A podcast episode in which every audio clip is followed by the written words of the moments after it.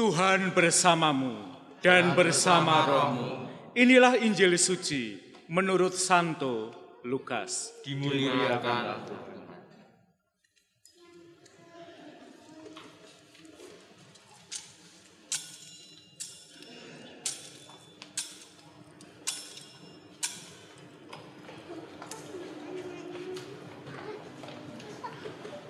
Setelah mendengar berita kelahiran penyelamat dunia, para gembala cepat-cepat berangkat ke Bethlehem.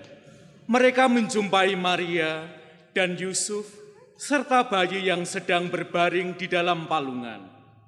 Ketika melihat bayi itu, para gembala memberitahukan hal yang telah dikatakan kepada mereka tentang anak itu.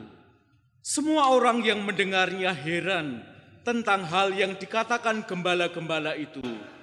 Namun Maria menyimpan segala hal itu dalam hati dan merenungkannya. Kemudian kembalilah gembala-gembala itu sambil memuji dan memuliakan Allah karena segala sesuatu yang mereka dengar dan mereka lihat. Semuanya seperti yang telah dikatakan kepada mereka. Ketika genap delapan hari dan ia harus disunatkan, ia diberi nama Yesus, yaitu nama yang disebut oleh malaikat sebelum ia dikandung oleh ibunya. Demikianlah sabda Tuhan. Terpujilah Kristus.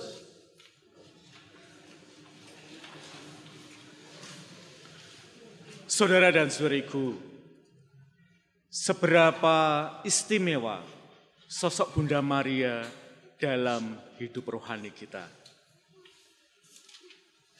Orang tua kami itu pindah dari satu rumah ke satu rumah kontrakan yang lain sebelum kami punya rumah sendiri. Dan ibu saya itu mendekor rumahnya kurang lebih sama dari satu rumah ke rumah lain. Di ruang tamu itu ada foto-foto kami. Foto bapak, foto ibu, dan kami berempat anak-anaknya. Ketika bapak dan ibu kami itu meninggal dunia, saya jadi sadar bahwa di kamar tamu itu, selain foto bapak, ibu, dan empat anak, salah satunya saya, ternyata ada foto atau lukisan yang lain, yaitu Yesus yang ada di Taman Getsemani dengan kata, bukan kehendakku Tuhan, melainkan kehendakmulah yang terjadi. Dan satu lukisan Maria yang menerima kabar gembira dari malaikat Gabriel. Aku ini hamba Tuhan, terjadilah padaku menurut perkataanmu. Dan pada masa-masa kami berbela sungkawa karena kehilangan ayah dan ibu, saya menemukan bahwa di kamar tamu itu tidak hanya ada lukisan Yesus, lukisan Maria, melainkan juga ada beberapa rosario yang dikalungkan pada patung Maria. Ada juga patung keluarga kudus di situ. Saudara dan saudariku, Anda punya momen apa ketika Anda merasakan hidup barangkali sangat berat dan Bunda Maria ada dekat dengan Anda? Saya masih ingat sebuah perjalanan dari uh, California ke Mexico City. Waktu itu saya diminta untuk memandu sekelompok warga Katolik Indonesia di California Utara untuk bersiarah ke Maria Guadalupe.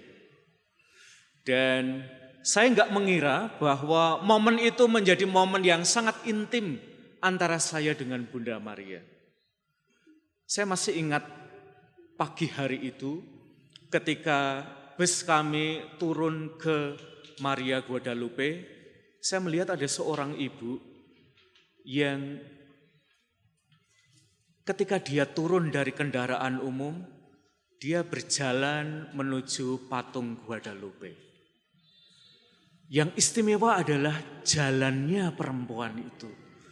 Karena perempuan itu tidak berjalan dengan kedua kakinya. Ia berjalan dengan kedua lututnya. Saya waktu itu berpikir, pasti ibu ini sedang ada dalam persoalan yang sedemikian berat di dalam hidupnya. Pemandangan itu menyentuh saya, sampai saya itu ngikut ibu itu coba jalan tidak dengan kaki saya, melainkan dengan lutut saya. Dan ternyata tidak gampang, berat sekali. Tetapi perjalanan dengan lutut itulah yang kemudian mempersiapkan saya ketika saya sampai di hadapan Maria Guadalupe. Hal yang selama ini terpendam, tetapi menjadi beban hidup saya, itu bisa tercurah kepada Bunda Maria. Bahkan curahannya itu tidak hanya dengan kata-kata saya, tapi campur dengan air mata saya. Dan Bunda Maria saya alami sebagai pribadi yang tangannya itu terbuka menerima saya.